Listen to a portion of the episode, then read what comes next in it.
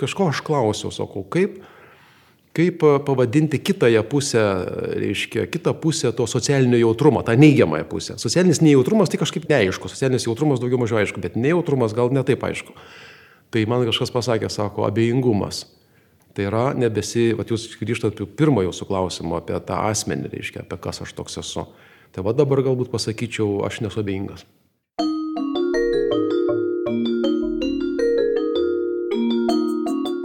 Su jumis Karolis Višnauskas iš Nanuk, jūs klausotės Nailo podcast'o. Mane vienas iki nežinau, kur patekau tas gailestingumo akcijas mūsų prieš kalėdas. Pinigų metimas, kaulinimas, pinigų rodimas vargšiukų, neįgaliukų ir duokit pinigų. Ir aš net netyčia kažkada atsidūriau ten televizijoje, tai labai apgailestau ir iš karto atsiprašau labai dėl to, kad sudalyvavau, nes tai iš tikrųjų, tai yra didelis blogis, va tas vėl skatinimas to, to gai, gailėšio tokio, tai, na, tai yra irgi žeminantis dalykas. Tai yra pasigailėkim, na, duokim jiem ką nors, kad jie tai prašo. Gailestis yra žiaurus dalykas, aš tikrai, kaip pasakyti, yra tikrai anti žmogaus teisės.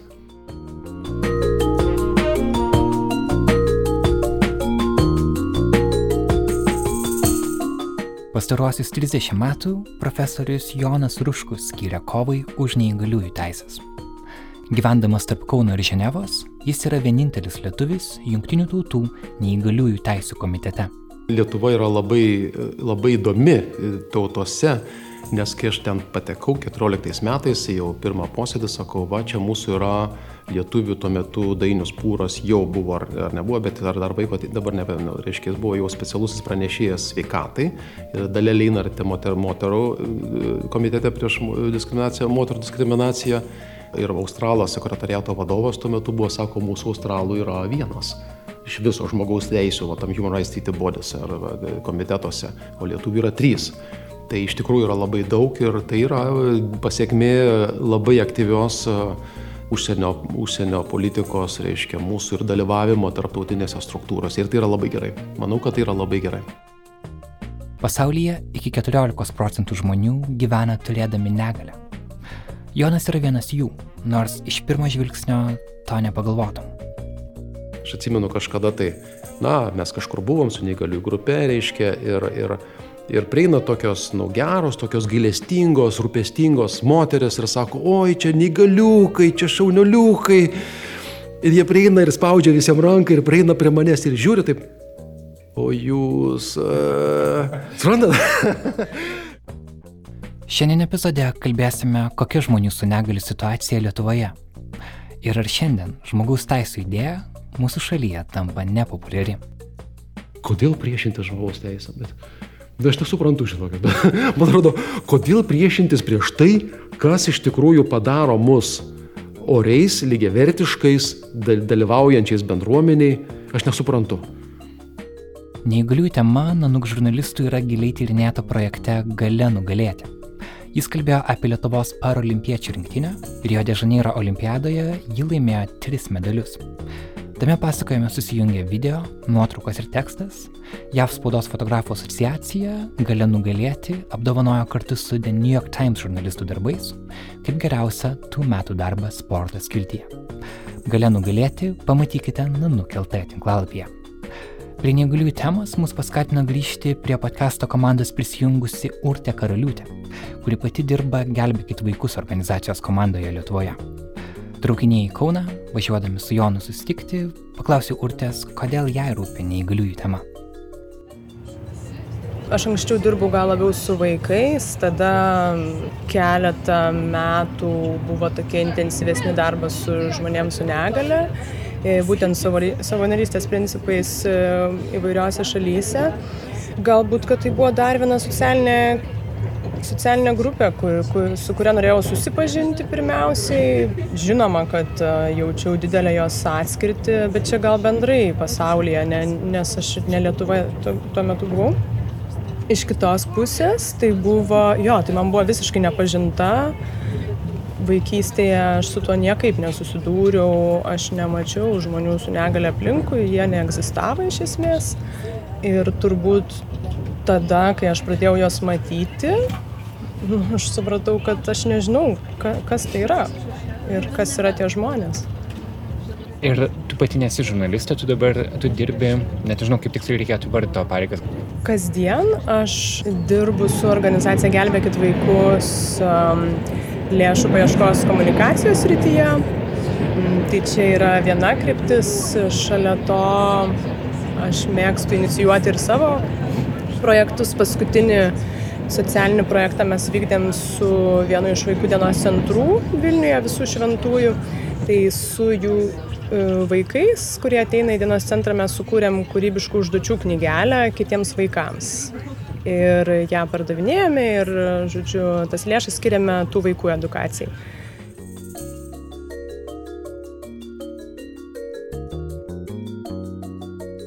Nors dirba jungtinėse tautose, Jonas Rūškus visų pirma save laiko akademiku. Jis yra socialinių mokslų fakulteto dekanas Kaune, Vytauto didžiojo universitete. Jono gyvenimą pakeitė metai praleisti Arkos bendruomenėje Prancūzijoje.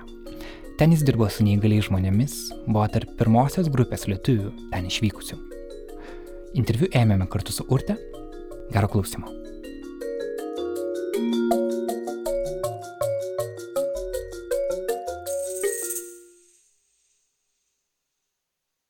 Kažkada studijavau vadinamą tuo metu defektologiją ir mes mokinomės apie neįgaliuosius kaip apie, na, iš tikrųjų labai sutrikusius, labai sutrikusius asmenis, kurie turi labai daug sutrikusių įvairiausių dalykų, pradedant psichiką, intelektų ir, ir fiziniais dalykais ar kas. Mes labiausiai daugiau kalbėjom, žinoma, apie apie būtent intelektą ir psichikos sutrikimus, bet tai buvo visa, buvo labai mediciniškai grįsta, plus buvo naudojama labai menkinanti terminologija. Šiandien iš viso net neįsivaizduojama būtų, kad taip galima oficialiai kalbėti ir buvo leidžiami vadovėliai. Ir aš tuo metu sutikau, sutikau Žaną Vanierkos bendruomenės įkūrėją. Jis buvo Lietuvoje atvykęs dabartiniai prezidentūrai tuo metu menininkų rūmai. Ir, ir, ir sakau, jis kalbėjo apie bendruomenę, apie orumą žmogaus, apie neįgaliųjų žmorumą. Ir, ir aš tada prieėjau prie jo, sakau, sakau, gal jūs turite kokias nors knygas, knygų atsivežę, man būtų įdomu paskaityti, aš tuo metu jau kalbėjau, skaičiau prancūziškai. Reiškia, sako, kam knygos atvažiuok. Tai buvo 90 metai, na, netai paprasta buvo atvažiuoti tada. Tai va, ir, ir iš tikrųjų labai labai vertybiškai, labai, labai pasikeitė, tie, pakeitė tie keturi metai bendruomeniai. Ir man tai tapo asmeniškai svarbu. Grįžus dariau akademinę karjerą, bet visi mano akademiniai darbai buvo susiję su, su žmonėmis, kurie, kurie yra atskirtyje, kurie yra visuomenės paraštėje kurie yra laikomi netinkamais konkurencingai visuomeniai ar ten moderniai visuomeniai dar kokiai tik norit, man jie visada rūpėjo. Ar tai būtų buvę buvę nuteistieji, ar tai būtų priekybos moterimis ir prostitucijos aukos, ar tai būtų nepilnamečiai nusikalteliai, ar dar kažkokios tai grupės. Tai ne, ne, žinoma, visų pirma buvo negalėjai. Tai man iš tikrųjų, man, man, tai, man tai visada asmeniškai rūpėjo ir aš tą dalyką vadinu, paskui aš savo įvardinau, aš tuo metu neįvardinau tai kaip žmogus teisėmis bet visų pirma savo tai įvardinau kaip socialinių jautrumų. Kas yra socialinis jautrumas? Socialinis jautrumas mano supratimu tai yra, kai ne, tai ne emocinis jautrumas, tai čia ne, čia ne empatija, tai yra, kai emociškai kažkas tai parūpsta, ne.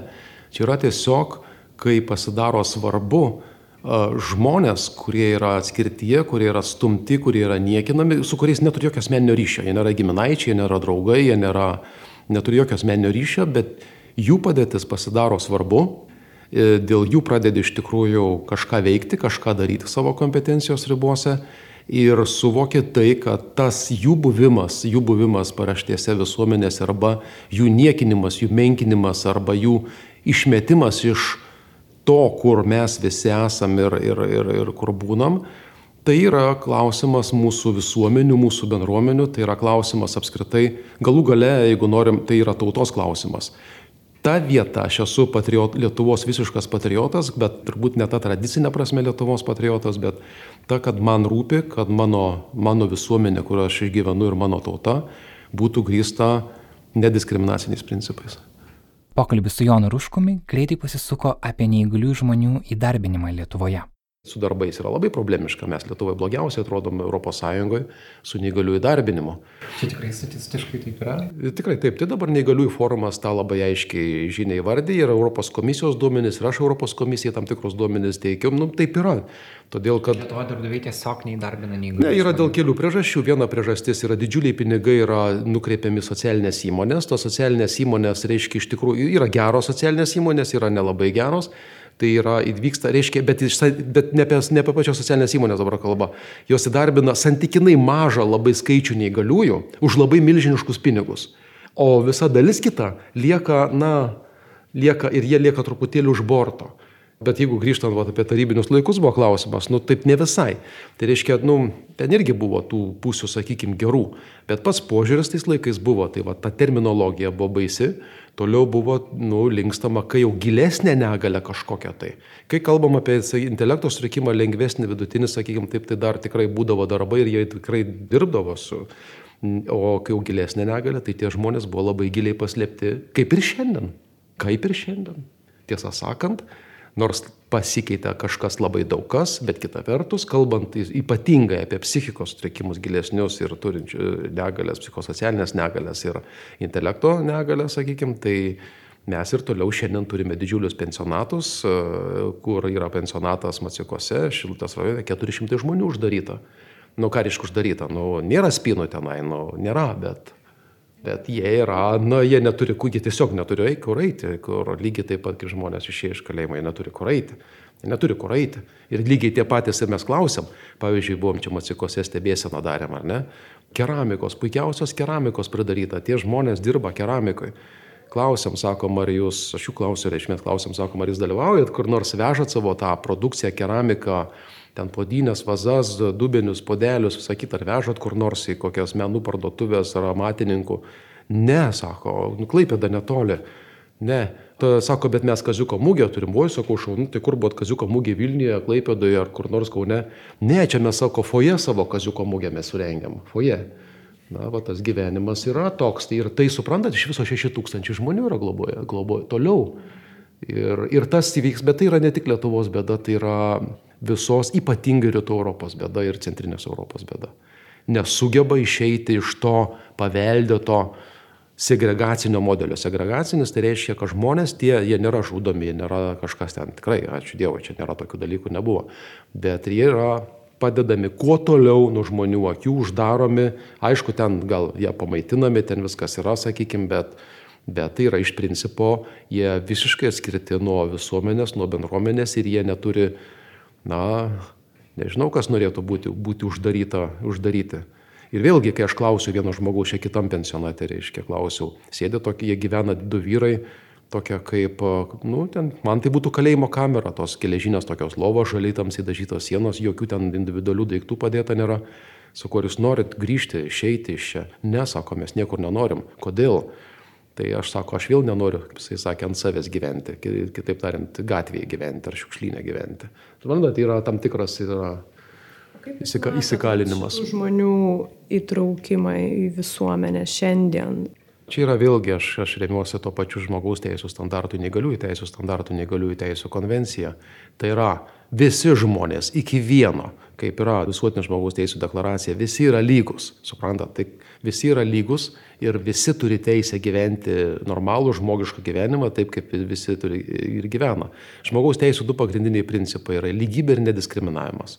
Reiškia, valstybės, kai ratifikuoja, įsipareigoja žmogaus teisėm, jos turi viską daryti, kad, kad žmonės užtikrinti savo šalise nediskriminavimą ir lygybę. Kaip tai sekasi, va čia klausimas ar ne? Ir yra neįgaliųjų teisų konvencijos 19 straipsnis, mes kaip tik va dabar parengėm komitetas e, vadinamus General Comments, tai yra išaiškinimą, tai irgi yra tarptautinės teisės dokumentas, kaip reikia daryti. Tai visų pirma, naikinti institucinę sistemą, Lietuvoje yra deinstitucionalizacijos programa, jinai kažkaip yra vykdoma, bet matom, kad žmonių skaičius institucijose nekiek nemažėja, kaip buvo 6 tūkstančiai, taip tebėra. Ir, ir yra pagrindinė priemonė, tai yra asmeninis asistentas. O dabar dėl ko kai kurios neįgaliųjų grupės ir turbūt visos, kurios yra grįžtos žmogaus teisėmis, kovoja dėl asmeninio asistento. Kitaip tariant, tai yra, kad žmogus, kad atsiranda tam tikras žmogus kartu su negale turinčiu žmogumi, kuris padeda jam gyventi bendruomenėje. kad tai yra bendruomenė, tai reiškia kartu su visais kitais ten, kur gyvena visi kiti žmonės. Kalbant apie pačius negalę, negalę turinčius žmonės, ypatingai su psichikos ir intelekto sutrikimais, tai tas yra jų nu, žiaurus nuvertinimas. Ta, ir mes ir toliau Lietuvoje, e, čia kai kurių politikų švietimo buvo anksčiau truputėlį naudojama savoka - gabus vaikai. Tada, nu, mano yra taip pat negabus, yra va, tas skirstimas į gabius ir negabius, ar ne? Jis yra tiek giliai augęs yra ir va tas negabus. Čia kažkada nešiau tą žinią, visi vaikai yra gabus. Ne, nesvarbu, kokią negalę turi. Ir tarkim, čia yra tas pats ir traukties principas, visi yra gabus, visi turi savų unikalių gebėjimų.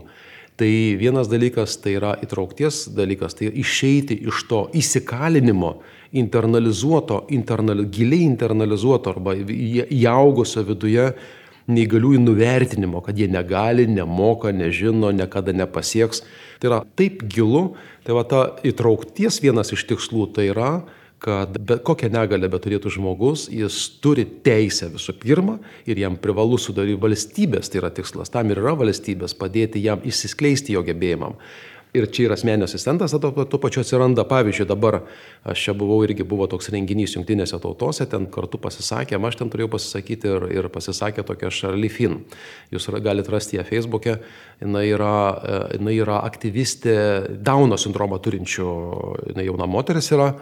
Jinai kalbėjo apie tai, reiškia, irgi apie kaip jie gyvena. Ir dabar va Facebook'e matau žinią, jinai, jinai ką tik įstojo vieną iš Art Liberals, reiškia, šitą universitetų, Washingtono universitetų jinai vėlgi, jinai, reiškia, jos viena, jinai viena iš lyderių Dauno sindromo pasaulio žmonių, jinai va, yra tos jos ir neša žinią ir tikslas parodyti, kad mes nesam kažkokie nevykėlė ar kažkas, tai ir mes, mes tikrai galim, tik tai yra, mes tikrai galim. Yra daug tokių žmonių jau. Yra. Pati irgi turi Dauno jinai Dauno sindromą, taip, taip, jinai Dauno sindromą šalia, šalia fin. Dabar stojo universitetą, jinai sako, aš, aš sako, jinai taip labai gražiai ten yra jos postuose, jinai sako, aš norėjau rodyti, aš, nori, aš pasakiau, man visi sakė, ne, ne, tau nepavyks. Ne, aš įrodysiu. Man kyla klausimas, pavyzdžiui, jūs pats nesat žmogus turintis negalę ir jūs atstovaujate juos. Kaip tai keičia jūsų galbūt santykių su pačia bendruomenė, kada jūs pats tiesiogiai nesate jos dalimi ir klausimas, ar patys neįgalėjai turėtų atstovauti save, ar kaip tik žmonės iš, ne, ne iš bendruomenės turėtų juos būti kaip vadinami allies ir tarsi parodyti, kad jais solidarizuojasi. Nes kai kalbam apie visuomenius judėjimus, dažnai pačios tos bendruomenės žmonės kyla kovoti už savo bendruomenę, ar ne, pavyzdžiui, jūsų atveju uh, Ir jūsų tėvas sakė, dirbot su irgi šitais pačiais klausimais. Nežinau, galbūt jūs savo aplinkoje turėjote žmonių, kurie e, yra su negale. Įdomu, koks va tas santykis tarp, su ta bendruomenė, kad tiesiogiai nesi jos dalimi iš jūsų pusės. Aš esu jos dalimi, aš esu ji. Ir jūs mano negalės nematot. Aš turiu tam tikrą neurologinius dalykus, kurie yra, ir, bet aš tikrai, aš matau, aš Negal, va čia yra vėl klausimas įdomus kitas, aš truputėlį atsakysiu jūsų klausimą. Kas yra negale? Ne? Ir iš tikrųjų, aš tam tikrą prasme aš neturiu negalės, nes negalė, jeigu žvelgiant pagal žmogaus teisų prizmę, reiškia, negalė atsiranda tada, kai dėl kažkokio sutrikimo atsiranda kliūtis dalyvauti visavertiškai visuomenėje, kai nesurdaromos lygios galimybės. Toj vietoj aš neturiu negalios, ne? nes aš tikrai, pavyzdžiui, regos sutrikimų neturiu, dėl kurių negalėčiau, pavyzdžiui, man nebūtų sudaryta galimybės stebėti politinius debatus prieš rinkim, pavyzdžiui, prezidento, prezidento rinkimus, ar ne, ir negaliu stebėti, nėra įgarsinti dalykai, nėra įgarsinta. Tada atsiranda negalė. Nes e, iš tikrųjų tai yra kliūtis. Tai to požiūrį ne, tai jūs sakot ne, bet aš turiu neurologinę lygą, kur yra visiškai totaliai susijusi. Ir aš... Įdomu, aš tarkim, pagaunu savo ribotumą irgi, nes atrodo, jeigu aš nematau, kad jūs puikiai vaikštate, jūs puikiai uh, funkcionuojate, aš nevertinu jūsų kaip neįgalaus žmogaus, tai, ar ne? Natūralu, bet taip ir viskas ir, yra ir gerai. Tai parodo, kad galbūt aplink mus yra daug daugiau žmonių turinčių negalę, bet mes tiesiog to nesuprantame. Yra, pavyzdžiui, vėlgi, tada va, čia, čia yra, bet yra konvencijoje labai aiškiai pasakyta, negali yra besivystantis, besivystantis konceptas mes. Taip, visų pirma yra tos bazinės, baziniai dalykai, mes negalim pamesti negalios, tai yra intelekto, psichikos, psichosocialinis sutrikimas, bet kai sakom, net, net sakom dabar ne psichikos, o psichosocialinis sutrikimas, nesakom, nes psichikos sutrikimai visada tiesiog yra susijęs su socialiniais dalykais, tai yra su aplinka. Pavyzdžiui, visų pirma, kaip, kaip aplinka supranta jūsų psichikos sutrikimą, ar ne, nuo jūsų. Bet tą reikia matyti, kad, tarkim, pavyzdžiui, yra negalių, negalių arba kurios yra, pavyzdžiui, lėtinės lygos. To čia ir kalbame. Lėtinės neurologinės lygos, retos lygos, neurologinės, pavyzdžiui, Alzheimeris, demencija, daugybė neurologinių visokių lygų yra, išsėtinė sklerozė, tą turiu galvoje visų pirma. Ir visokios, jos, visokios jų formos būna tas pats vežys. Pavyzdžiui, Anglijoje turi Britanijoje didžioji metus, jeigu turi išsėtinę sklerozę, vėžį ar diabetą, automatiškai tampi po metų, kai tu turi jau lėtinę lygą, tai yra visam gyvenimui. Tai reiškia viskas, visam gyvenimui. Tu įgyji neįgaliojo statusą. Ir už tai, pavyzdžiui, kodėl dabar, čia biškai grįšiu prie jūsų klausimo pirminio, bet, pavyzdžiui, dabar vertinam tokias valstybės kaip Omana arba Seišelius. Ir jie mums gyrėsi, sako, pas mus neįgaliųjų tik 3 procentai. Aš jų tada ir klausiu, Palaukit, kodėl, o kodėl pasaulio sveikatos organizacija sako yra 12-14 procentų neįgaliųjų, kodėl Britanijoje ir Skandinavijoje yra 15-16 procentų, pas jūs tik 3. Sakau, kažkas gal negerai su negalio samprata. Oi, ne, ne, ne. Ir jie sako dar baisiau. Sako, pas mus gerai viskas su samprata. Mes sako, darom disability prevention. Tai reiškia, mes prevenciją, suprantat, ką tai reiškia? Reiškia, jau jie preventuoja mediciniškai būsimas negalės ir mes nežinom ką, mes nebegalim ten įeiti giliau tą valstybę, nežinom. Tai va čia yra labai stipriai, va ta negalio samprata. Čia mes galim irgi apie negalę, apie pavadinti terminus, jūs galite irgi galim toliau, jeigu norėsit, labai įdomus irgi dalykai yra. Tai va, bet grįžtant prie bendro, tai aš esu, aš esu bendruomenės narys.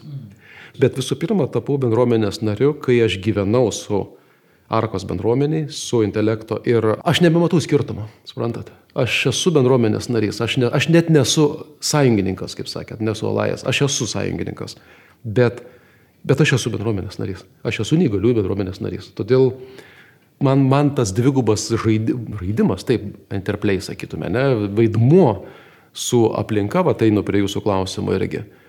Tai aš esu, aš esu čia į čia esu ir čia, ir čia. Ir aš manau, manau už tai, aš, vat, kadangi nesu abejingas, kaip sakiau, mano, mano yra vaidmuo yra nešti žinę. Liūdyti savo, savo gyvenimu, savo veikla, savo, jeigu, jeigu darau akademinę veiklą, aš per akademinę veiklą, aš tą turiu daryti. Tai, tai aš negaliu savo prieštarauti, bet man tie dalykai, man, man nebėra aš ir jie. Man nebėra aš ir jie. Suprantate, čia yra sociologinis konstruktas, jeigu sociologija gilinote, žinote, tai yra tas toks labai yra, aš ir jie, aš ir mes, mes ir jie. Tai man to nebėra. Man, man to nėra mes ir jie. Tai aš esu jie, aš, jie ir aš. Ir, ir, ir, ir taip, man pavyzdžiui, yra labai įdomu, ypač Arkos bendruomenė. Arkos bendruomenė labai rekomenduoju, kažkas, va girdit, kas mane, jaunimas, jeigu ieškot kažkokių žmogiškų patirčių, yra Arkos dvi bendruomenės Lietuvoje, Kaune ir, ir Vilniuje.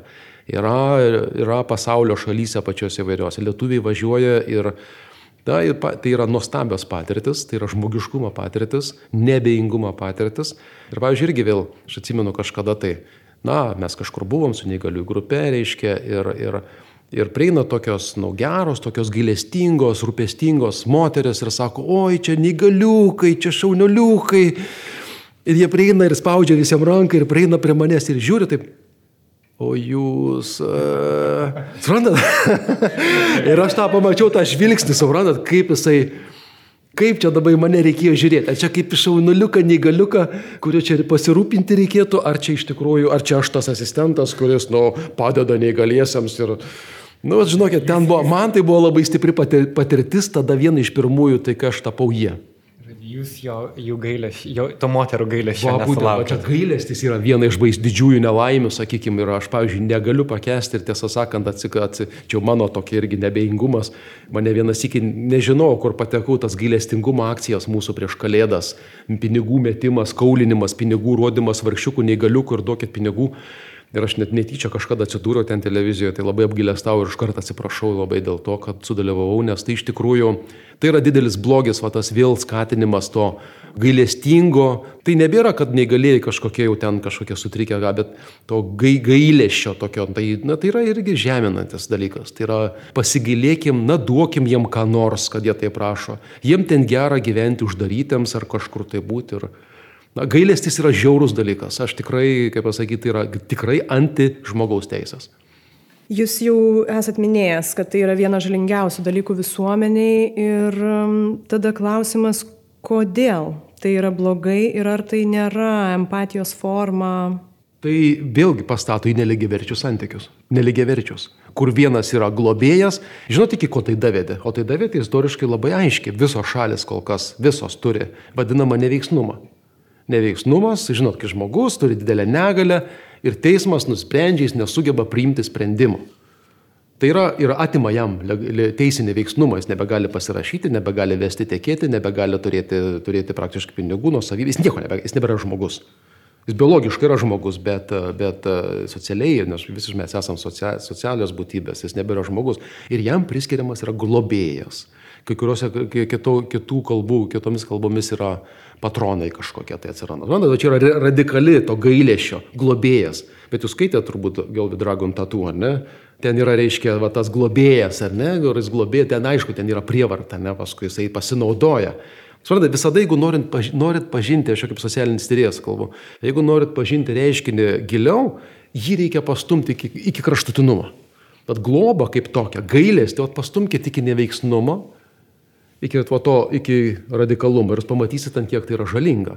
Tai yra visų pirma neligiaverčiai santykiai. Tai visų pirma yra mažiukas, nesugebantis, mes tau duosim, mes tau duosim, mes tavęs pasigailėsim, o gal nepasigailėsim, o gal kažkiek duosim, gal neduosim. Va čia yra žmogaus teisės, yra lygybė ir lygybė, ne? lygų santykiai, vad kuo arkos bendruomenė yra. Arkos bendruomenė tuo yra ypatinga. Tu stoji į totaliai lygę ir interaktyvę poziciją su neįgaliuoju, su intelektu ir psichikos sutrikimus turinčiu žmonėm. Ir tai neskatina savarankiškumo, o, tiesa, tai, tai ne, tik, ne tik neskatina, bet ir tave pastato į tą yeah, poziciją, kur mes tau duosime, mes viską padarysime. Kontrargumentą, kuris, manau, visuomeniai veikia, tai yra, kad galiausiai vis dėlto per tas gerumo akcijas pinigų yra surinkama žmonės mano, kad jie tikrai padeda, kad jie daro gerą dalyką. Ir, pažiūrėjau, pasakyti kokiai nors močiutė, kad, kad jos gailestis iš ties nieko neduoda visuomeniai gero ir kad ji turėtų, užuot gailėjusis, pavyzdžiui, žmogaus, kuris negali vaikščioti arba, tarkim, vaiko su Dauno sindromu, kad ji jį tiesiog priimtų kaip bet kurį kitą vaiką, jinai sakytų, jinai manytų, kad ji daro gerą darbą, kad ji, kad ji užjaučia ir kad yra labai žmogiška savybė. Ir, ir maždaug, kas tai blogo. Ir taip yra surinkami pinigai, tas gailestis vis dėlto veikia visuomenėje. Mes Jūs galim... Kur tie pinigai buvo panaudoti? Aš neįsivaizduoju, kur buvo panaudoti. Ne. Aš irgi ne. Aš irgi sutinku, kad gailesčio nereikia, bet pasakau, kad gal tai yra vienas iš būdų, kaip galima žmonėm surinkti, pavyzdžiui, lėšas, kurių jie kitaip negauna, gal dabartinėje Lietuvos būsenoje. Vat va čia ateinam labai įdomų žmogaus teisų aspektą. Žmogaus teisės tai nėra, ką noriu, tą darau, Žmogaus teisės tai nėra gailėkime, tai nėra padėkime. Žmogaus teisės, žmogaus teisės vat, neveltui yra, tai yra labai politinis ir teisinis konstruktas. Tai yra žmogaus teisės, matykime, tai yra, tai yra valstybių įsipareigojimai. Suprantat, gailestingumo akcijos perima atsakomybę iš valstybės. Čia yra valstybės uždavinys. Tam yra, tam yra socminai, socialinės apsaugos ir darbo ministerijos, švietimo ministerijos, kaip norit kitaip, kitur, kitur yra, pavyzdžiui, šalis, kur lygybės ministerijos vadinasi, visokios yra, arba apskritai valstybė, ne tik tai socminų čia reikalas yra, bet yra, čia yra valstybės, čia yra valstybės pareiga. Taip žmonės padėti gali. Taip mato kaimyną, kuriam ten neantrūksta kažkokio, tai sakykime, tikrai, nežinau, kad, kad, bet yra valstybės pareiga, pavyzdžiui, užtikrinti universalų dizainą kad statyti namus, pavyzdžiui, Danija jau ateina, įsivaizduokite, kokio lygio, kad ne tik tai reiškia, kad yra visi, visi valstybiniai objektai turi būti statomi universalaus dizaino principu. Tai yra, kad bet kas galėtų patekti bet kokį pastatą. Jau eina, aš nežinau, ar tai priimta ar ne, man sakė, kad taip, bet kažkaip aš nenoriu šimtų procentų garantuoti, net jau privatus namai, valstybė sako, turi būti universalaus dizaino principu pastatyti. O mūsų va čia va sako savivaldybė Kaune, Ir architektai sako, negražu universalus dizainas, kai laisvės alėja atstatinėja, ne? Negražu, sako. Tai, suprantat, va čia yra, va, nu, matykim tą perskirą. Taip, močiutė, kaip sako, ten tikrai gali, jinai prisideda kažkom, tą daryti asmeniškai gali, bet perskira labai tokia, tas lengstis labai at... perimimas iš valstybės, bet perimimas neefektyvus. Visų pirma, padėsim, sumėsim pinigų keliam žmonėm, gerai, nupirko automobilį, kur žmogui, vad mačiau tam bedų turgui, nupirko verslininkai automobilį, merginai, kuri norėjo važinėti darbą, jinai dabar gali važiuoti kažkokiam rajone, labai gerai. Bet tai yra vienkartinė akcija. Tai nėra sistema, supranta, tai nėra sistemos. Plus, aišku, dar yra klausimas dėl skaidrumo, nes kažkaip nemato visuomenės tuo. Visuomenė ataskaitų tai paskui negauna. Aiškiai pasakyta, štai žiūrėkit, kiek surinko pinigų, štai kaip tie pinigai va susidėliojo. O valstybė vis tiek turi auditus, jie yra audituojami ir iš principo nu, yra skaidru. Jūs kalbate apie Lietuvos dabar įsipareigojimus. Tai kokių įsipareigojimų nevykdo mūsų valstybė būtent neįgaliesiems? Va čia dabar Jeigu reiktų, čia visas sąrašas yra, ką reiškia, vat, kas yra tie įsipareigojimai. Įsipareigojimai yra žmogaus teisų standartas. Ir tas žmogaus teisų standartas, jis, jis yra įdedamas į konvencijas. Tai yra uh, diskri... konvencija prieš moterų diskriminaciją, tai ten yra irgi sudėta labai aiškiai antidiskriminaciniai žmogaus teisų standartai. Tai su neįgaliaisiais taip pat yra sudėta, yra standartai tam tikrai, realiai yra tie tokie, sakykime taip, darbingi straipsniai, yra 33, kurie vėl dalinasi postraipius ten jie visi apibūdina kažkokios tai teisės, neįgaliųjų teisės, žmogaus teisų standartus. Ir reikia atpažinti keletą momentų pagal žmogaus teisės. Yra, yra penkios žmogaus teisės, jeigu žinote, pagrindinės. Tai yra pilietinės, politinės. Tai jos pagal žmogaus teisų apibrėžimą jos turi būti gyventa čia ir dabar. Pavyzdžiui, užtikrinimas pilietinės teisės į, į susirinkimus, ar ne, į nevyriausybinius, į pilietinius judėjimus. Toliau yra politinės teisės. Pavyzdžiui, politinė teisė yra balsuoti. Pas mus Lietuvoje negali visi balsuoti, jūs tą žinote, ne? Yra uždrausta. Na, tai ką jūs galvojate? Nu, tai taip, neveiksnumą, tie, kur... Ne, tai vienas dalykas žmonės yra. Yra Lietuvoje, dabar nepasakai, aš gal klystu, apie 5, 5 tūkstančių žmonių, kuriem yra, aš dabar klystu, aš čia dabar prašau manęs nepaduoti teismo už tai, kad aš suklydau skaičių, bet kažkiek tai taip, bet yra keli tūkstančiai žmonių, kuriem yra atitintas teisinis veiksnumas, jie neturi teisės balsuoti, nes numanomai kažkas nusprendė, kad jie nieko nesupranta ir jiems iš viso atimta teisė. Čia turime žmonės, žmonės kuriem atimtas teisinis, teisinis veiksnumas arba suteiktas tik dalinis dabar suteikta, bet čia, ne, čia tas pats. Taip, kurie yra, turi psichikos daugiausia arba proto sutrikimo arba negalės turi. Tai, bet iš principo yra atimta teisė, suprantat, jau čia yra politiniai, reiškia, nu, mes visiems, visom šalim pasakom, turit sugražinti. Tuo, tai žmonėmis galima manipuliuoti. Sait, kad jie nesupranta, jie, jų sprendimai yra nesuprantami, bet komitetas labai aiškiai sako, valstybių pareiga įdėkti paramos priimant sprendimus mechanizmus. Tam žmogui reikia padėti. Bet Lietuva to keliu neina. Latviai jau juda su nevyriausybinė neįgaliųjų Zelda organizacija, jau kūrė paramos primant. Švedai, pavyzdžiui, turi asmeninio ombudsmeno e, tokį institutą. Tai yra, ateina, ten yra teisininkai, advokatai, šeimos nariai šalia yra, yra socialiniai darbuotojai, kurie padeda žmogui susivokti ir priimti sprendimus. Iš principo tai yra, suprantat, nei, todėl neįgalėjai vien dėl neveiksnumo yra labiausiai, pati labiausiai diskriminuojama žmonių grupė pasaulyje. Todėl, kad su jais elgiamasi, va čia atsiranda tas neligybės momentas, ar ne? Su priimam įstatymą, va jiem va taip atimama, pavyzdžiui, politinės teisės - balsuoti. Arba teisė rinkti, nu tai balsuoti į parlamentą, už prezidentus, nesvarbu. Ir ar galų gale e, būti, būti renkamiems. Tai aš, pavyzdžiui, tikrai džiaugiuosi ir aš tikrai buvau Justo Džiugelio komandos nariu. Aš labai norėjau, kad Justas Džiugelis taptų. Nes, nes daugiau ne vieno negalę turinčio žmogus nekandidatavo. Čia mes vėl kalbame. Vienintelis Seimo narys turintis negalę. Mhm. Ne, buvo, buvo kitas neregys, bet ten jisai visai nestovavo neįgaliųjų teisų. Tai o Justas Žygelis labai aiškiai mes vat, suformavom tą, reiškia, aš jo patarėjas esu, bet jisai pats turi labai aiškę supratimą ir labai gerai viską daro. Bet suprantat, būti renkamiems, bet jie irgi negali, kurie neveiksnumą, jie negali būti renkami. Atstovavimas, ne parlamentas yra žmonių grupės atstovavimas. Tai va, yra toliau, tai tos va, pilietinės politinės teisės, jos turi būti gyvenimas čia ir dabar. Tai va, Lietuva, pavyzdžiui, tas neveiksnumo momentas, kuris susijęs su teis, atimta teisė turėti turtą, atimta teisė turėti vesti arba tekėti. Tai, tai čia susijęti dalykai. Toliau yra ekonominės, socialinės ir kultūrinės teisės. Jos turi būti gyvenimas palaipsniui. Nuo šios dienos, taip yra sakoma. Visi supranta, kad, pavyzdžiui, yra, yra neįgaliųjų teisė prieinamumas. Visi supranta, kad lifto kiekvienam namui nepastatys kiekvienam daugiabučiui čia Lietuvoje nepastatys. Visi, su, čia yra aišku, čia niekas nereikalauja to padaryti. Bet, pavyzdžiui, Šalis turi įsipareigoti, visi nauji pastatai, visi transporto priemonės, kurios yra perpamos vieš, viešojo, ar ne, stotelės, kai remontuojamos, kai daromos geležinkelio stotis kažkokios. Jau šiandien, čia ir dabar turi daryti, įdėkti universalaus dizaino principus. Tai vėl, kiek galim klausti, kiek šalis tą daro. Pavyzdžiui, bet labai vėl gaunasi labai įdomus paradoksai. Pavyzdžiui, čia turbūt Klaipėdos rajono savivaldybė padarė, reiškia, labai gerą iniciatyvą prieinamus pležus.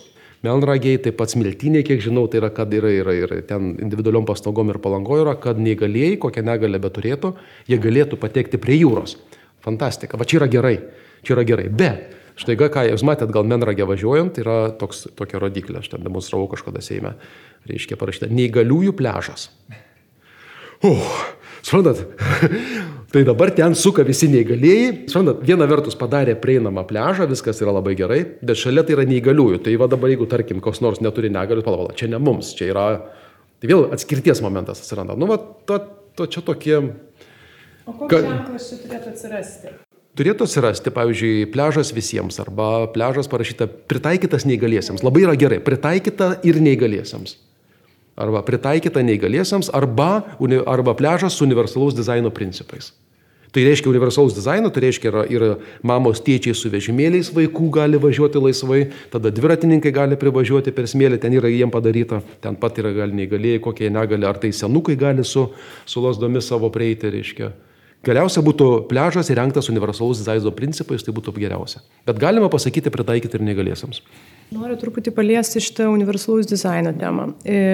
Tradiciškai gal galima daryti tokią prielaidą, kad visuomenė išgirdusi žodį negale mato judėjimo negalę turinti žmogų vežimėlėje. Tuomet tarsi išeitis diskriminacijai ir atskirimui būtų universalus dizainas ir padėti judėjimo negalę žmonėms patekti, kur jie nori. Ir kartais atrodo, kad tą išeiti tik čia ir mato, kad, žodžiu, nu, va, padarysim pandusus akliesiems takelius, nežinau kaip jie vadinasi, ir, ir viskas išsispręs. Kodėl tai riboja, kodėl tai nėra ta vienintelė išeitis? Tai yra tai, bet tai yra tikrai ne viskas. Na, kalbant paprastai, yra, tarkim, neregėjai, ar ne? Tarkim, man viena mergina, mano studentė irgi sako, reiškia, sako, va, tai banką atėjus, ar ne, kai ateini į banką. Tu turi kviečia, kai pasako signalas, suskamba ir užsidega numeriukas. Kodėl negali pasakyti žodžiu? Va čia yra universalus dizainas, ne? Net švediški bankai pas mus, ne, kurie tikrai yra turbūt lyderiai toje vietoje pasaulyje, Skandinavijos šalis, ypatingai Švedija. Ir kodėl negali būti pasakyta numeris toks ir toks. Ir tada tu pasiemęs tą numerį, supranti prie kokio langelio ir ten dar gali būti, reiškia, neregiams padaryti takeliai, kur apčiuopiami, apčiuopiami kojomis. Toliau, pavyzdžiui, lygiai tas pats su klausos negale, reiškia irgi, kiek yra, kiek yra vizualinė informacija, ar ne, pavyzdžiui, kiek televizijos laido, net nacionalinis transliuotojas, kiek jis pateikia informacijos turint klausos negalę. Kiek yra titruo, subtitruota ir kiek pateikta. Labai mažai. Maž, procentas yra labai mažas. Ir giriasi, kad ten vienos žinios tik tai yra. Šiaip kiek, kiekvienas filmas turėtų būti subtitruotas. Kiekvienas jeigu norima, norim padaryti. Tai čia yra tas jau, bet į tai turėtume eiti. Ar pastangos į tai daromos? Tiesa, pirmą kartą šiuose rinkimuose Seimo, pirmą kartą mačiau debatus Lietuvos televizijai, kurie buvo subtitruojami, ne, verčiami gestų kalbą. Pirmą kartą. Tai toje vietoje padaryta kažkas. Toliau, ne tik universalus dizainas, va dabar buvo ir konferencijos mokslinės, reiškia, e, edukologijos universitete dėl, reiškia, universalus dizainas ūkdymo turinyje. Ūkdymo turinys tampa prieinamas visiems Va čia yra, va čia tai turima galvo intelektų ir kažkokie taip psichikos trikimai, yra autizmą turinčių žmonių, reiškia, kad ūkdymo turinys, bendro lavinimo mokykla, jinai tampa prieinama visiems. Va čia yra vienas iš didžiausių, kaip sakyt, mano ir apskritai ne tik mano, čia yra rūpešių, kaip švietimo sistema turėtų patapti ir privalo jinai patapti prieinama visiems. Bendroji švietimo sistema, o ne spets mokyklos, spets klasės, kažkas su žodeliu spets dar. Tai va universalus dizainas taip pat yra ūkdymo turiniui. Mes truputį dabar kurį laiką, man atrodo, nuklydami nemažai kritikos, jos tikrai reikia, bet galbūt galėtumėt pastebėti vat, teigiamus pokyčius, jūs truputį užčiapė dabar. Tie žmogaus teisų žmonės, jie tokie yra labai kritiški visą laiką. Nes kodėl, iš kur tas kriticizmas atsiranda? Kartais sako, kas nors sako, ui, ko tu toks kritiškas, kodėl tu taip? Čia yra todėl, kad žmogaus teisų, vis tiek remiesi žmogaus teisų standartų. Žmogaus teisų standartai yra labai aukšti standartai. Jie tikrai aukšti yra. Ir ten, pavyzdžiui, tie patys žmogaus teisų komitetai, ar ne, jie nesako, kad dabar čia yra tobula, viskas čia mes toj pat. Bet tai yra labai aiškios gairės valstybių įsipareigojimo, ką daryti. Tai už tai tas kriticizmas toks ir atsiranda. Ir žinokit, ir kadangi tie standartai yra labai labai aukšti, tai juos pasiekti realiai, kur jie yra vykdomi, tai gerų pavyzdžių yra labai mažai. Tai Lietuvoje, jeigu, sakykime, dabar gerą pavyzdį, nu aš čia daviau, daviau apie, sakiau apie tuos debatus, sakykime, prieš rinkiminius, o dabar artėja prezidento rinkimai, ar ne, kiek debatai bus pateikiami klausos negalę turintiems žmonėms ir regos negalę. Nu, regos tai gali klausytis. Va, ir klausos, sakykime, kiek, kiek tas vaizdas, debatai bus pateikti. Čia paprastas toks pavyzdys. Pavyzdžiui, vėlgi, jūs girdėjote turbūt tą istoriją, čia kėlėm didelį triukšmą su olimpiniu čempionu Mindaugu Bilium ir kitais, reiškia, kai olimpiečių, olimpiečių premijos buvo septynis kart mažesnės nei kaž... Pasirodo iš kur? Pasirodo, kažkoks komitetas susirinko ir nusprendė, nes parolimpinės varžybos yra septynis kart mažiau, mažiau svarbios nei tikros olimpinės. O tiesiog, o tiesiog paėmė ir nusprendė. Ir, pavyzdžiui, parolimpinių varžybų nerodė kažkodėl. Tai nors visi laukiam tų naujienų apie goldbolą, sakykime, ar ne, ten tikrai buvo labai įdomu, nauja sporto šaka, mums atrodė tikrai tokia. Tai dabar jūs sakot vėl geriai pavyzdžiai. Nu, žinokit, geriai pavyzdžiai stengiasi ta Lietuva, stengiasi, žinokit, stengiasi, nori, yra žmonės, kas supranta, stengiasi va, tą deinstitucionalizaciją daryti, bet kažkas nepavyksta. Norima daryti asmenį asistentą, kažkas nėra. Suprantat, gal dėl to, kad sako, o įstatymai pas mus yra geri, bet jų nevykdo. Aš tai tikrai taip nemanau, pas mus įstatymai tikrai nėra geri.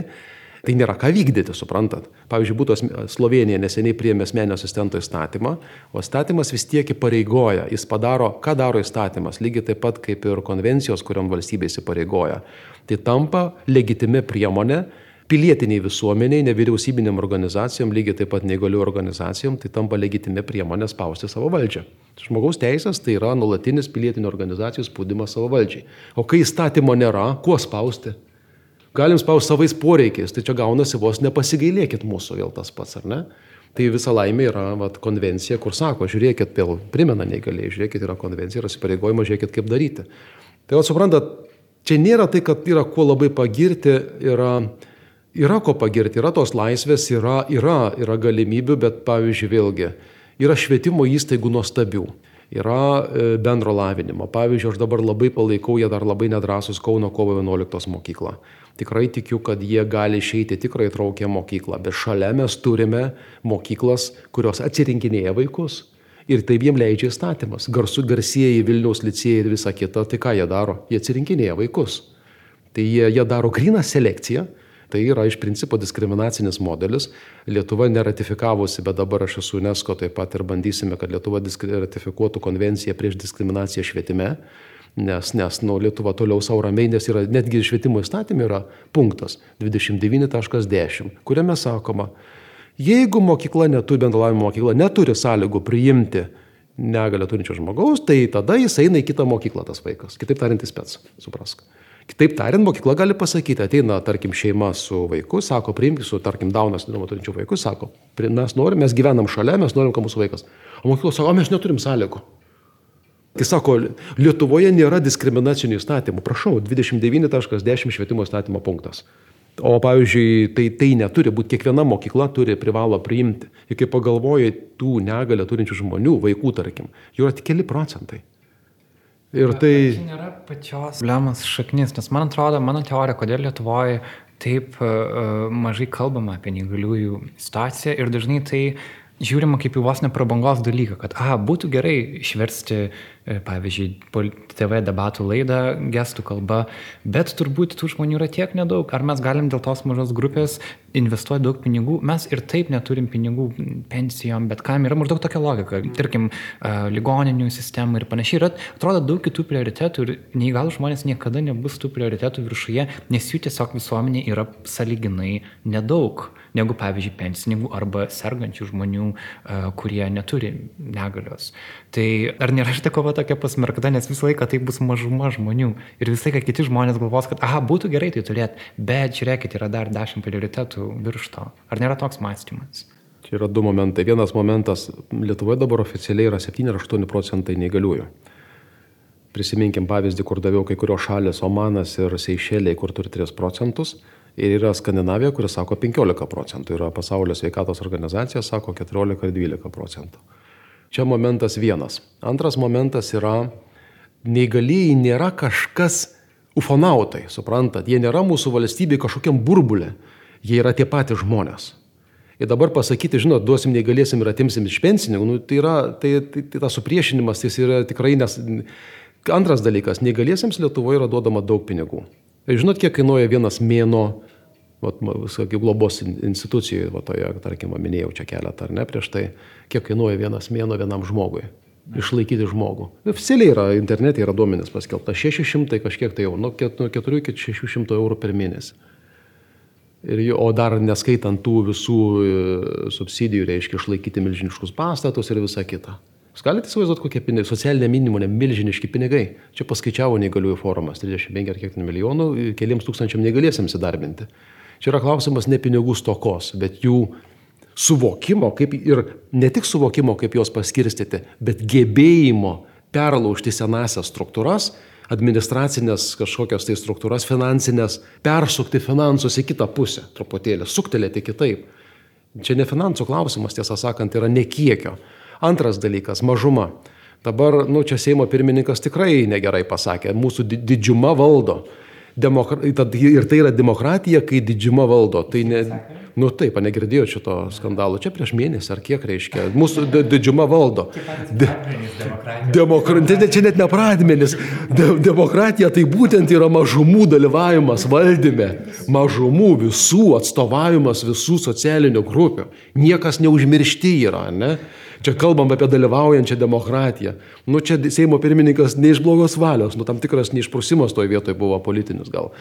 Bet, bet, bet vis tiek čia yra suvokimo momentas, yra, kad vis dėlto mūsų tauta, mano supratimo, mūsų tauta gyvybingumą jos palaiko įvairovę ir, ir kuo daugiau žmonių grupių įvairių jų yra, tuo tauta yra gyvybingesnė. Tai čia yra ir, ir kuo daugiau jos yra politiškai atstovaujamos ir pilietiškai jos dalyvauja valstybės gyvenime.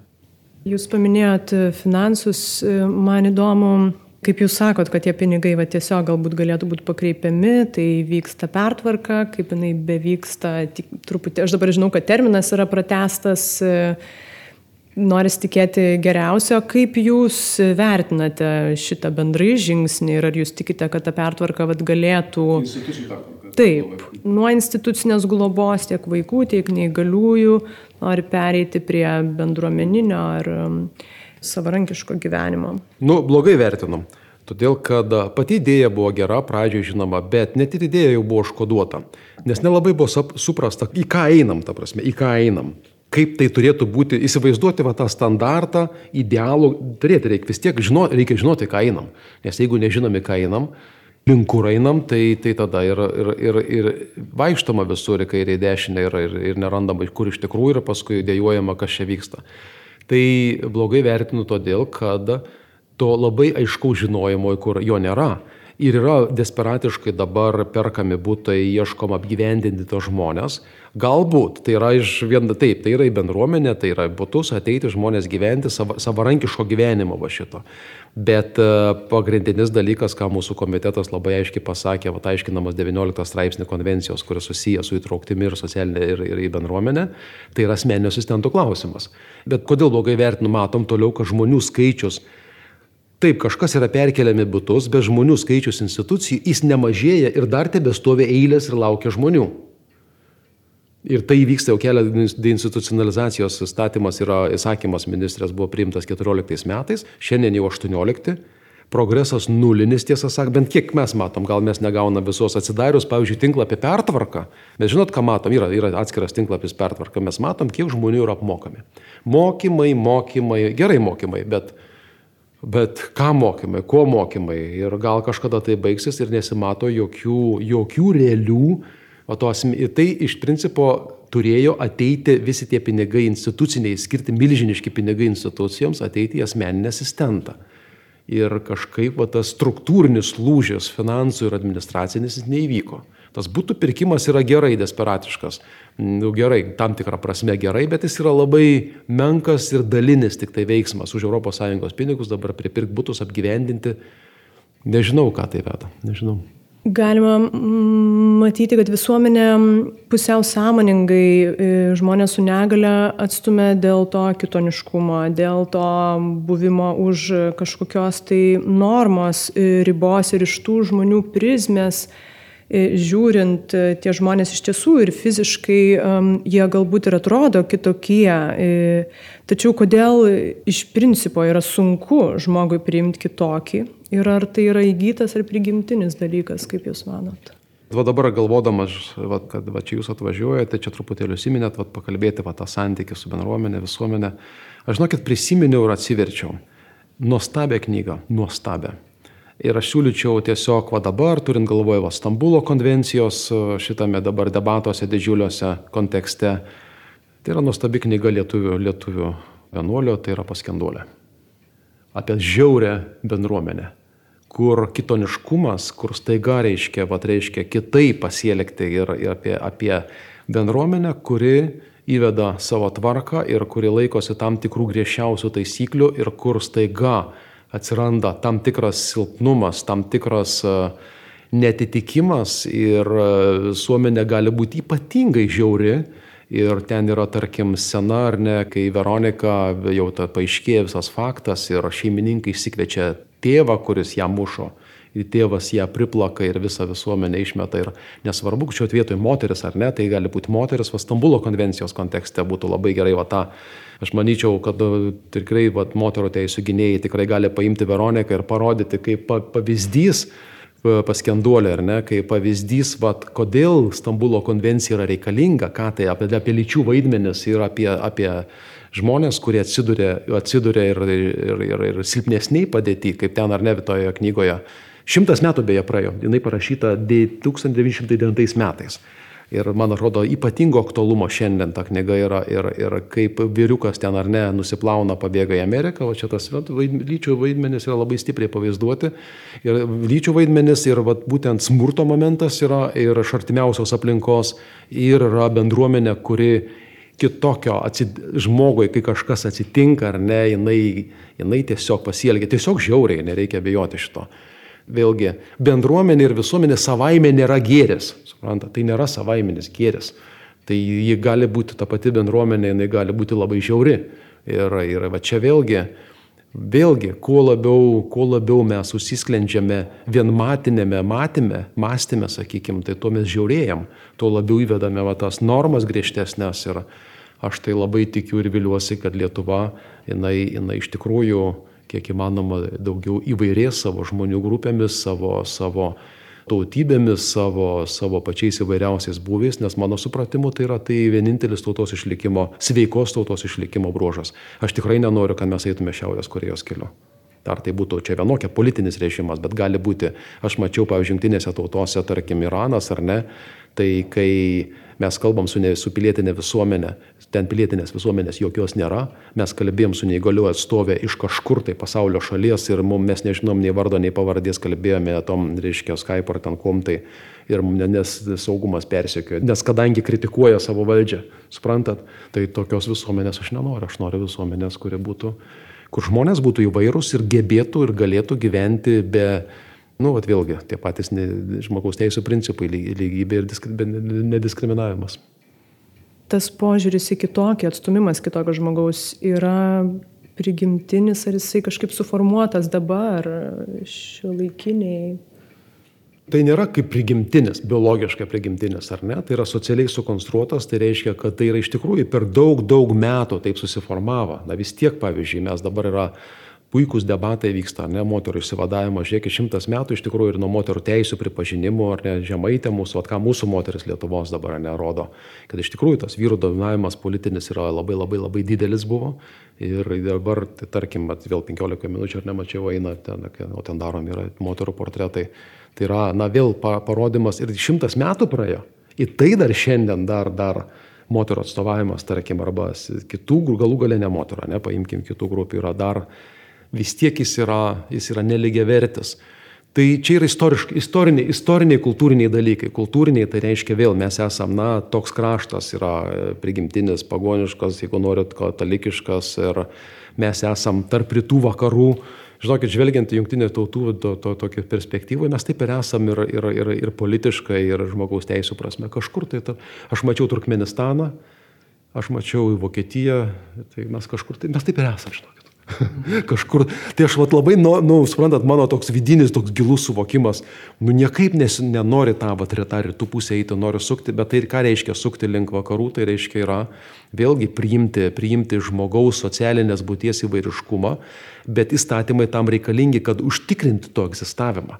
Valstybė tam yra reikalinga. Žmogaus teisės nėra paleidžiu, ką noriu, tą darau. Valstybė turi užtikrinti, kad lygybės nediskriminavimo mechanizmus. Ir kam yra rinktinės tautos, jos duoda labai, galima ten rasti labai aiškias rekomendacijas, kaip tai daryti žmogaus teisų konstruktas atėjo Lietuvą su ES įstojimu į ES ir žmonės tai priima kaip tam tikrą ES dalyką, kad aha, nu čia vat, mes gaunam žmogaus teisės kaip e, viso paketo dalį.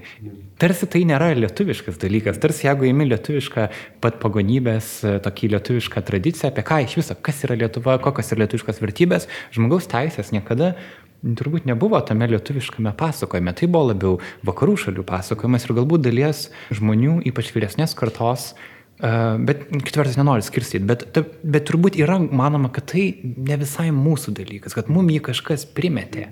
Ir turbūt čia, kad tas lūžis įvyktų, tada atrodo viskas nu, savame tarsi stiliuotų savo vietas. Bet turbūt dėlė žmonių Lietuvoje žmogaus teisės priimamas kaip kažkas, ką jiems primetė Europos Sąjunga. Man taip atrodo, stebit visą diskursą, kaip jums atrodo dirbant su žmogaus teisėmis. Ar jūs matote, kad lietuviai tarsi turi žmogaus teisės pasisavinti atsijimti savo, nes tai yra na, kiekvieno žmogaus reikalas. Taip, čia reikalingas švietimas tam dalykui, lygiai tas pats su jungtiniam tautom. Kažkas man irgi čia ėmė interviu, sako, tai ten mums jungtinės tautos primetė, primesta, primeta, reikalauja iš mūsų.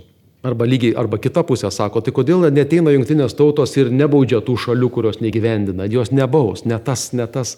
Tai yra tam tikras šalių, yra interesų grupių susitarimas, kas yra žmogaus teisų standartas ir jis yra universalus tam reikalingas švietimas vėlgi, kad žmogaus teisės, jos yra va, tas lygybės ir nediskriminavimo principai, ką tai reiškia, per ką tai pasireiškia, kokios yra pagrindinės žmogaus teisės, va tos penkios grupės ar ne, kaip valstybė turi, tai čia yra išprūsimo ir švietimo klausimas.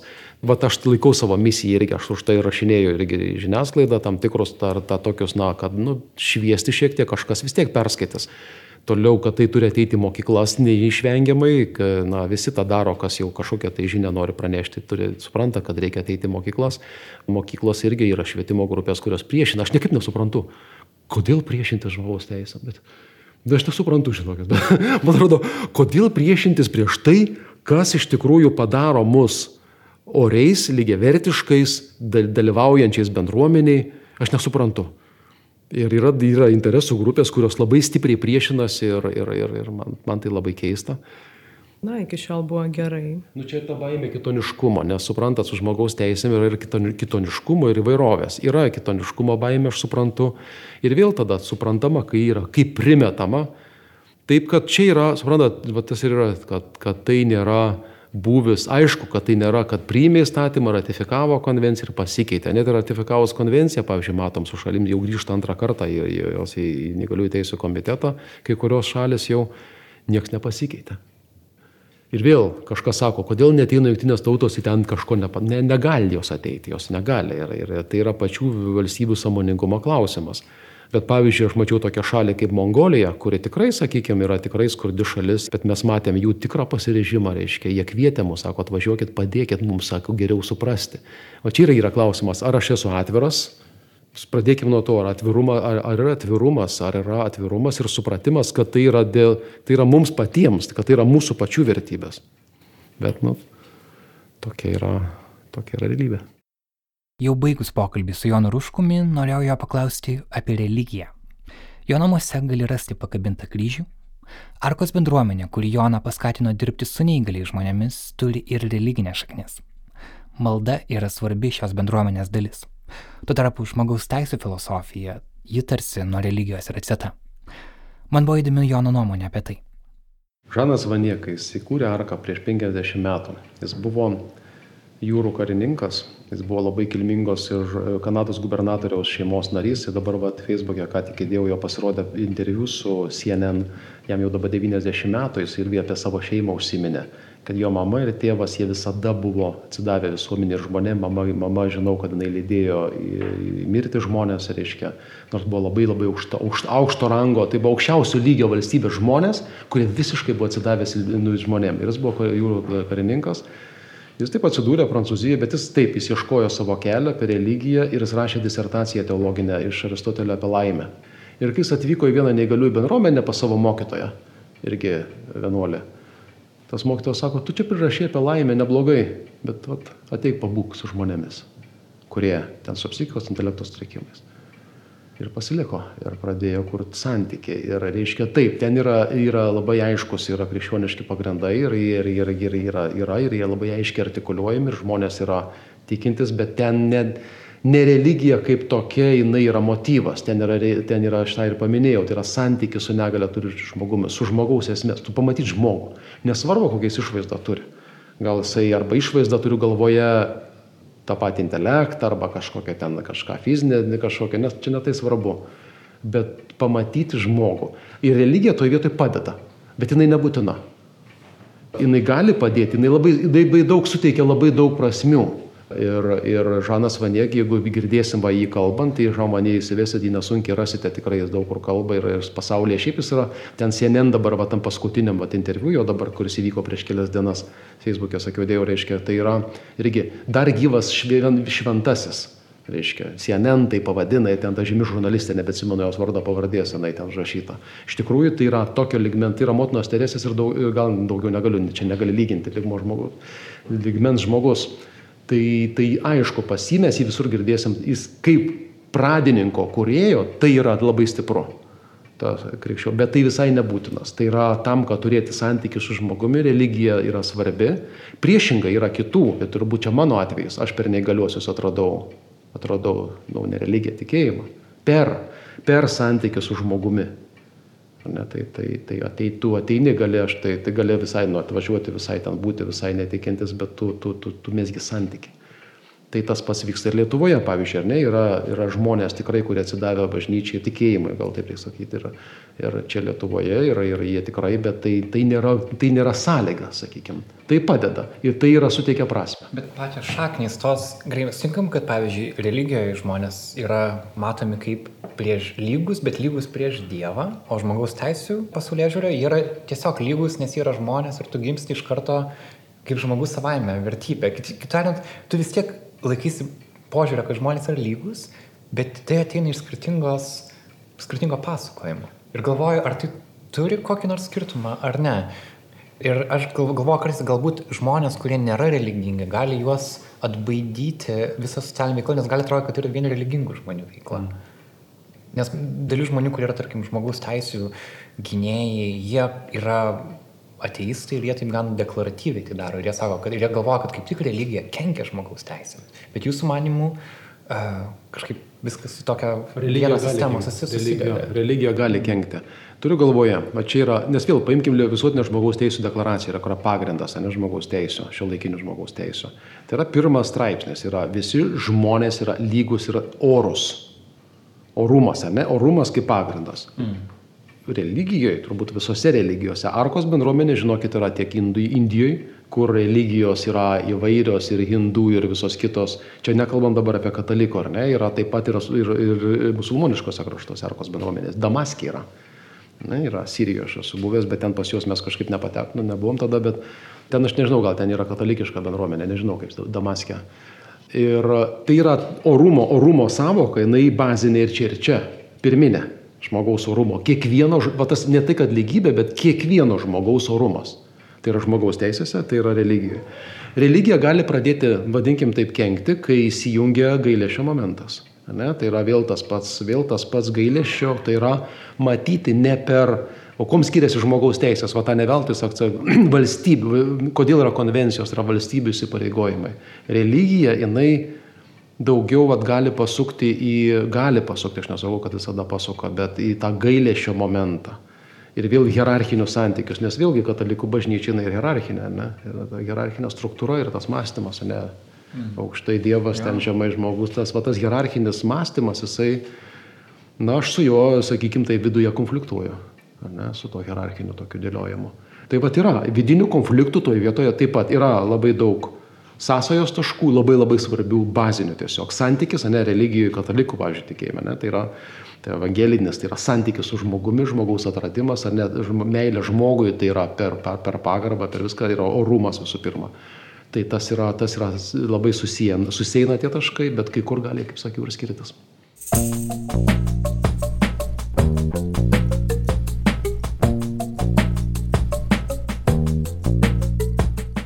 Šį pokalbį su Jonu Ruškumi vedė Urtė Karaliūtė ir aš Karolis Višniauskas. Kartu su Urtė turime idėjų tęsti neįgalių žmonių bendruomenės Lietuvoje pažinimą. Pranešime, kai tik būsime epizodai bus parengti. Nanuk fotografė Severina Venskutė taip pat prisijungia prie mūsų susitikimo. Jos nuotraukas pamatykite Nile LT tinklalapyje. Epizodo garso redaktorė yra Kata Bitoft, o muzikos autorius Martinas Gailius.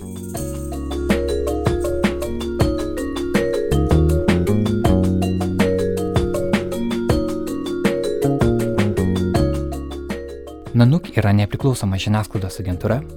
Mes negalėtume kurti podcast'o be jūsų palaikymo. Tad labai kviečiame prisidėti. Adresas yra patreon.com pasvirasis brūkšnys nanuk multimedia. Šią savaitę mūsų patreonais tapo Laura Ma, Beta Tiškevič ir Andrius Slavuckis. Ačiū jiems labai. Klausytojams turim įvairiausių dovanų, pavyzdžiui, siunčiame nanuk atvirukus. Taip pat turime slaptą remėjų Facebook grupę, kur kalbamės apie podcast'o vidinius reikalus, dalinamės temų idėjomis, tiesiog kažkokiais vidiniais um, nanuk komandos reikalais. Tad jeigu jums įdomu, prisijunkit. Dar kartą patreon.com pasvirasis brūkšnys nanuk multimedia. Ačiū už tai. Taip pat ieškome ir privačių, ir NGO arba nevyriausybinio organizacijų rėmėjų. Jeigu jums pakeliui su Naila idėjomis, parašykite mums naila.nanukelte arba tiesiog į Nanuk Facebooką. Labai labai lauksim. Ačiū, kad buvot kartu šiandien. Sustikime kitą savaitę. Iki.